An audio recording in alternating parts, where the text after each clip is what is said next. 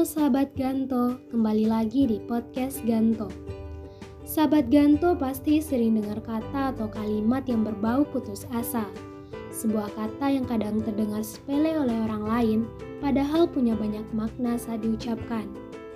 Sahabat Ganto tahu nggak sih, dalam buku yang berjudul Psikoterapi Islam, putus asa diartikan sebagai perasaan yang gagal dan hilang harapannya – sehingga timbul sikap yang selalu murung, tak acuh terhadap dirinya sendiri serta orang lain.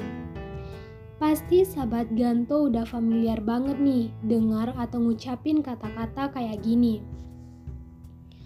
Kayaknya aku gak sanggup lagi deh. Aku nyerah aja kali ya. Kenapa aku harus bertahan di sini? Percuma berjuang, aku gak dihargai. Emang bener sih, Putus asa itu timbul dari diri sendiri yang sudah lelah untuk berjuang. Tetapi sahabat Ganto pernah berpikir nggak? Kadang hal terbesar yang membuat seseorang putus asa itu karena pengaruh perkataan orang lain. Perkataan yang menganggap remeh atau menilai rendah orang lain menjadi pemicu terbesar di pupuknya rasa putus asa.